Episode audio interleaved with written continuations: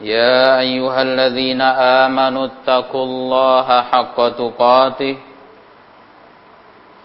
ولا تموتن إلا وأنتم مسلمون.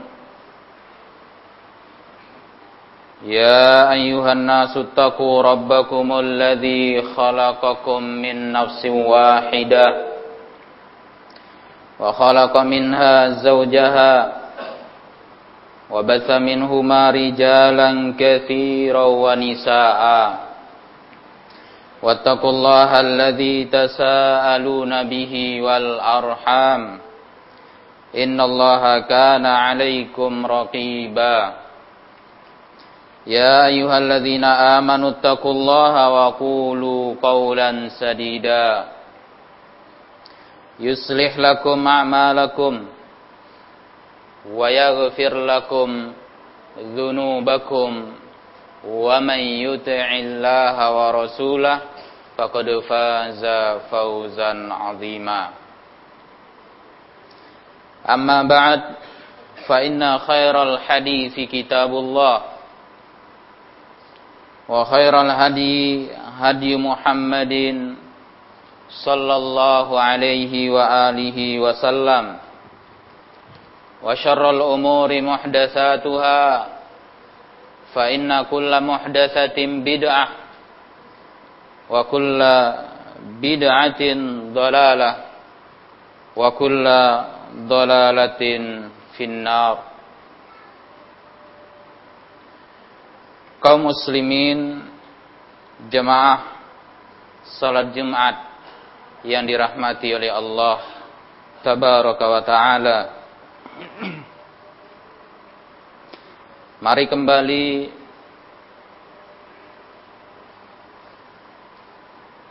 Kita senantiasa bersyukur memuji Allah Subhanahu wa taala. Karena Allah Subhanahu wa taala telah banyak memberikan kenikmatan-kenikmatannya kepada kita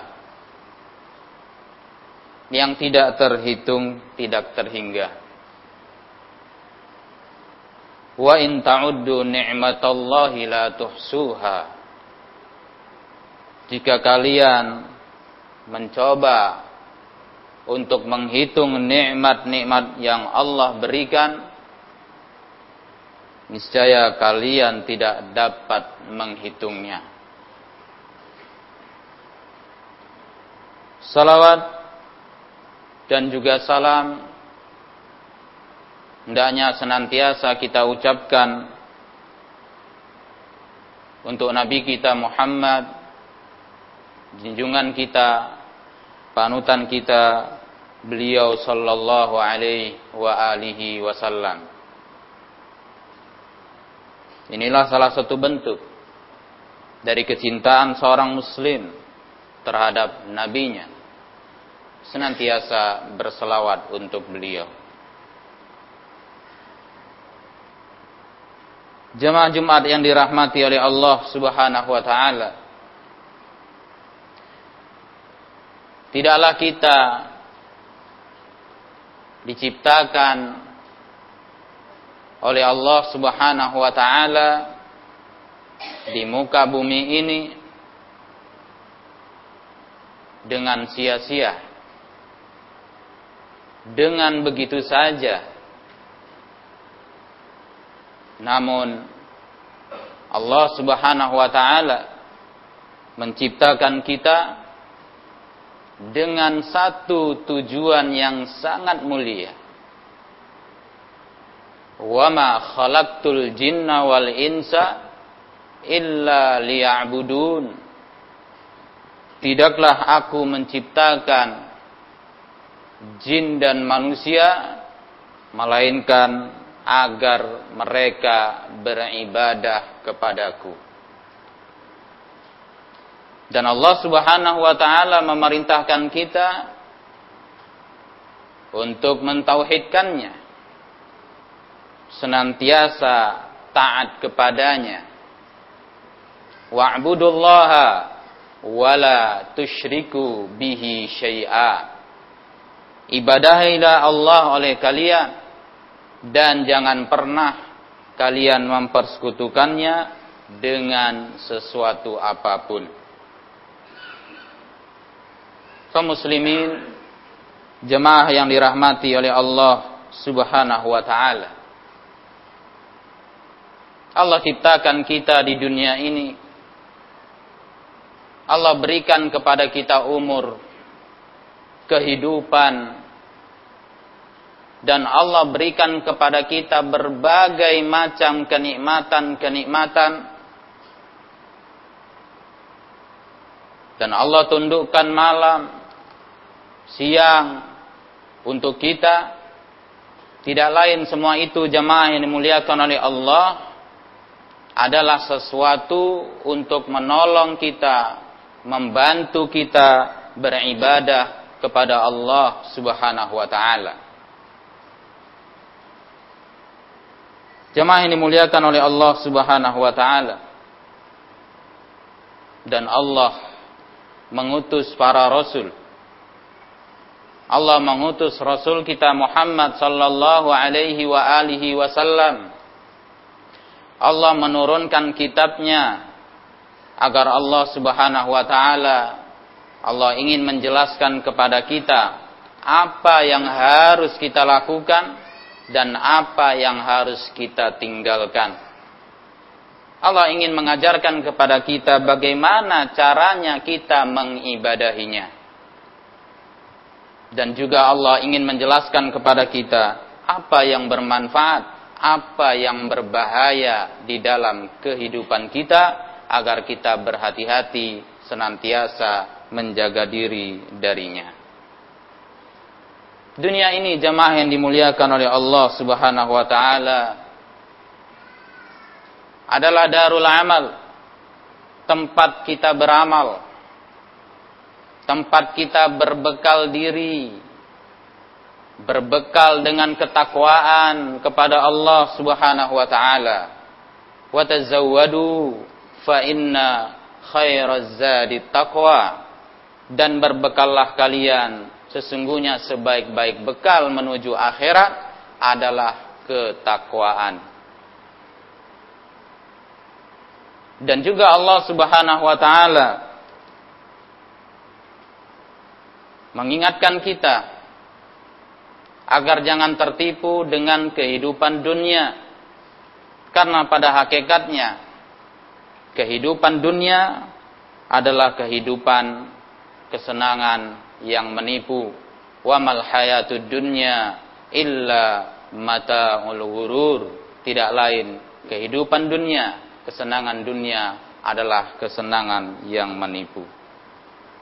Maka dari itu jamaah yang dimuliakan oleh Allah Subhanahu wa taala, jangan sampai kita jangan sampai seorang mukmin tertipu dengan kehidupan dunia, lupa akan tujuan yang mulia yang harus dia lakukan yaitu ibadah kepada Allah Subhanahu wa taala. Kaum muslimin, jamaah yang dirahmati oleh Allah Subhanahu wa taala. Hidup di dunia ini kita manusia khususnya kaum muslimin Hidup di dunia ini tidak terlepas dari tiga perkara. Tidak terlepas dari tiga keadaan. Yang artinya jemaah bahwasanya tiga perkara ini pasti akan datang kepada kita. Dan kita mau tak mau harus siap di dalam menghadapinya. Apa itu keadaannya? Yang pertama jemaah yang dimuliakan oleh Allah Keadaan yang pertama ketika datang berbagai macam kenikmatan kenikmatan dari Allah Subhanahu wa taala kepada kita. Kesenangan hidup, kelapangan hidup. Terus saja Allah memberikan kenikmatan-kenikmatannya kepada kita. Nah, di keadaan ini jemaah yang dimuliakan oleh Allah, banyak orang yang tidak sadar Banyak orang yang menjadi lalai, menjadi lupa, semakin jauh dari Allah, semakin jauh dari agama Allah Subhanahu wa taala. Maka di kondisi ini seorang mukmin harus menyadari bahwa kenikmatan yang terus datang kepadanya, yang Allah berikan kepadanya harus dia hadapi dengan bersyukur kepada Allah Subhanahu wa taala. kondisi pertama ini adalah kondisi yang harus dihadapi dengan bersyukur senantiasa bersyukur kepada Allah Subhanahu wa taala. Bersyukur bukan hanya sekedar ucapan di lisan, tapi dengan syukur yang sebenarnya, syukur yang dibangun di atas tiga rukun. Yang pertama, mengakui bahwa kenikmatan tersebut datangnya dari Allah Subhanahu wa taala. Yang kedua, menceritakan kenikmatan yang Allah berikan itu. Kemudian yang ketiga, menggunakan kenikmatan tersebut di dalam mentaati zat yang memberikan kenikmatan itu kepadanya maka tidak akan sempurna syukur seorang hamba kepada Allah Subhanahu wa taala melainkan dengan tiga rukun tadi. Harus dengan tiga rukun tadi. Barulah menjadi sempurna syukur yang dia lakukan kepada Allah Subhanahu wa taala. Artinya jemaah yang dimuliakan oleh Allah, semakin bertambah kenikmatan, harusnya kita menyadari bahwa di situlah keharusan kita semakin menambah ketaatan kita kepada Allah Subhanahu wa taala. Kita semakin memperbaiki ibadah, kita semakin menambah nilai dan kualitas ibadah kita kepada Allah Subhanahu wa taala.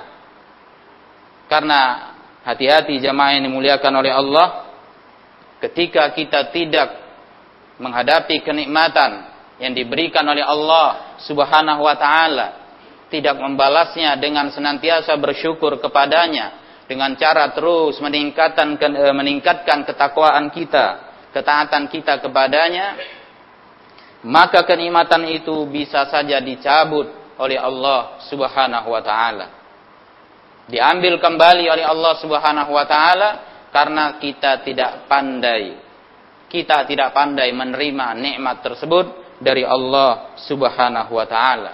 Allah mengingatkan, la in syakartum la azidannakum wa la in kafartum inna adzabi lasyadid. Sungguh kata Allah, jika kalian bersyukur, sungguh aku benar-benar akan tambahkan kenikmatan itu untuk kalian. Dan sebaliknya, jika kalian kufur, sesungguhnya adabku sangatlah pedih. Jemaah yang dimuliakan oleh Allah Subhanahu wa taala. Keadaan yang kedua ketika Allah Subhanahu wa taala mendatangkan kepada kita ujian-ujiannya dalam bentuk musibah, bencana, penyakit, kesulitan hidup seperti keadaan kita hari ini jemaah yang dimuliakan oleh Allah keadaan yang melanda manusia secara umum dan untuk kaum muslimin secara khusus. Ujian yang Allah berikan dalam bentuk penyakit maka ini jamaah yang dimuliakan oleh Allah Subhanahu wa taala adalah ujian dari Allah cobaan dari Allah yang kita sebagai seorang mukmin harus pandai harus siap di dalam menghadapinya. Maka tidak ada kunci jemaah yang dimuliakan oleh Allah. Keadaan yang sama-sama kita rasakan hari ini. Kesulitan hidup, sulit beraktivitas, sulit mencari nafkah, bahkan sulit dalam melaksanakan ibadah tidak leluasa seperti biasanya. Maka ini harus bisa kita menghadapinya. Kuncinya adalah dengan bersabar. Kuncinya adalah dengan bersabar jamaah yang dimuliakan oleh Allah. Jika kita merenungkan bahwa musibah ini sebenarnya belum apa-apa jemaah yang dimuliakan oleh Allah. Bahkan kesenangan yang kita rasakan lebih banyak, lebih lama. Musibah ini, pandemi ini baru kemarin. Namun memang kita rasakan sama-sama seolah-olah pandemi ini sungguh sangat sudah lama. Sungguh membuat sebagian orang ingin menyerah dengan keadaan ini. Sesungguhnya bagi seorang mukmin tidak ada kata menyerah. Seorang mukmin harus terus bersabar. Bersabar di dalam menghadapi keadaan ini. Menahan dirinya, menahan lisannya, menahan anggota badannya dari ucapan, dari tindakan, dari perbuatan yang menunjukkan dia tidak ridho dengan apa yang telah ditentukan oleh Allah Subhanahu wa taala. Innama yuwaffas sabiruna ajrahum biwairi hisab. Kata Allah sesungguhnya Allah akan berikan pahala bagi orang-orang yang bersabar, dipenuhi pahala untuk mereka tanpa batasan. Jamaah yang dimuliakan oleh Allah, kita harus sadar bahwasanya Allah Subhanahu wa taala tidaklah memberikan ujian kepada seorang mukmin untuk menghancurkannya, untuk membinasakannya, tidak. Allah bukan ingin membinasakan seorang mukmin ketika Allah menurunkan bencana, Allah menurunkan musibah ujiannya, tapi Allah ingin menguji kesabarannya. Allah ingin menguji kesabaran kita. Allah ingin menguji sampai mana kekuatan kita di dalam beribadah kepadanya dalam situasi yang sulit Bagaimana kesabaran kita dalam kondisi yang sangat sulit?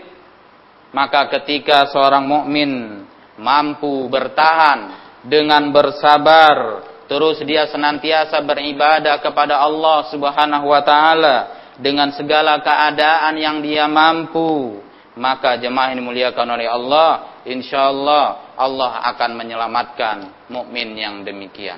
Allah akan menyelamatkan kita syaitan tidak ada kekuasaan, tidak ada kemampuan untuk menjerumuskan, mensesatkan hamba tersebut.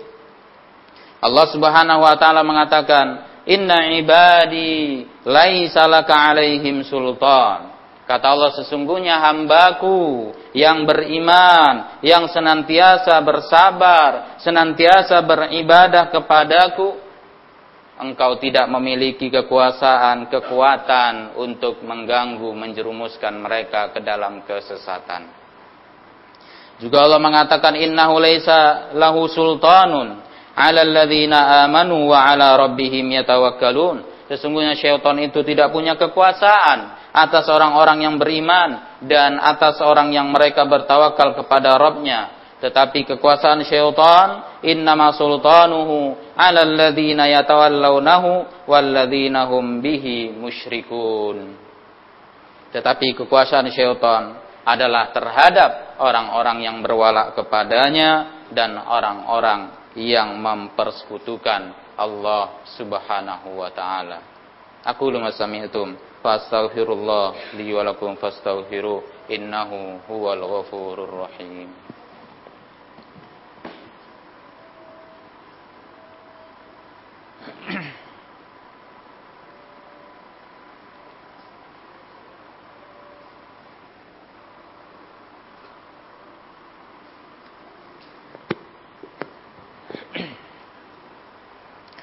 Alhamdulillah. Wassalatu wassalamu ala rasulillah Wa ala alihi wa sahbihi wa mawalah. Amma ba'd. Jemaah Jumat yang dirahmati oleh Allah Subhanahu wa taala. Keadaan yang ketiga yaitu ketika Allah Subhanahu wa taala memberikan ujian kepada kita dengan hawa nafsu, dorongan hawa nafsu dan juga gangguan dari syaitan. Tipu daya, jerat-jerat dari syaitan. Maka keadaan yang seperti ini jamaah yang dimuliakan oleh Allah kita menghadapinya harus dengan senantiasa mentaati Allah Subhanahu wa taala. Senantiasa membentengi diri dengan berzikir kepada Allah Subhanahu wa taala. Sesungguhnya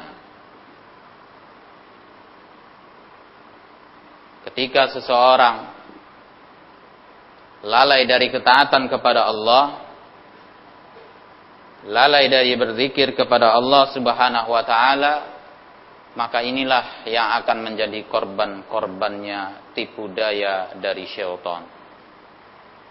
Namun orang yang senantiasa berzikir kepada Allah, senantiasa ibadah, taat kepada Allah Subhanahu wa taala, dia akan terbebas dari tipu daya tipu daya syaitan dari musuh yang nyata yaitu syaitan. Jemaah yang dimuliakan oleh Allah Subhanahu wa taala. Namun manakala kita telah terlanjur jatuh ke dalam perbuatan-perbuatan dosa, memperturutkan hawa nafsu, mengikuti jalan syaitan, Allah masih memberikan solusi kepada kita. Bertobatlah kepada Allah. Perbaikilah ibadah kita kepada Allah bertobat kepadanya, Allah masih selalu menerima taubat hambanya, hambanya yang benar-benar ingin kembali kepadanya. Ketika Allah Subhanahu wa taala menginginkan kebaikan kepada seorang hamba, maka Allah akan bukakan pintu taubat kepadanya, pintu penyesalan terhadap dosa-dosa yang pernah dia lakukan. Dan hamba itu akan meminta tolong senantiasa berdoa, senantiasa berusaha mendekatkan dirinya kepada Allah Subhanahu wa taala dengan berbagai macam amal-amal kebaikan. Dan Allah Subhanahu wa taala ketika menginginkan seorang hamba kebaikan, Allah pun akan memperlihatkan kekurangan-kekurangan dirinya. Aib-aib dirinya sendiri dan Allah juga akan memperlihatkan kepadanya betapa luasnya karunia Allah yang diberikan kepada dirinya. Sehingga ketika seseorang Allah perlihatkan aib dirinya, Allah sadarkan dia betapa banyak kekurangan-kekurangan dirinya, aib yang terdapat pada dirinya. Allah perlihatkan kepadanya karunia Allah, maka seorang yang demikian mestinya merasa malu kepada Allah Subhanahu wa taala dia harus menundukkan dirinya di hadapan Allah terus memperbesar rasa takutnya kepada Allah Subhanahu wa taala senantiasa beribadah kepada Allah Subhanahu wa taala. Jemaah yang dimuliakan oleh Allah Subhanahu wa taala.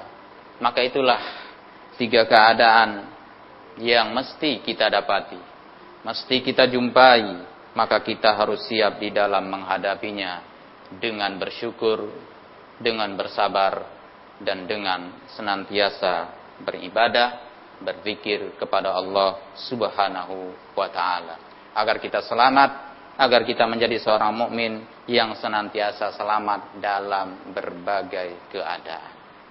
Demikianlah jamaah yang muliakan oleh Allah Subhanahu wa taala. Mudah-mudahan bermanfaat bagi kita semua. Wallahu alam bisawab. Walhamdulillahirabbil alamin.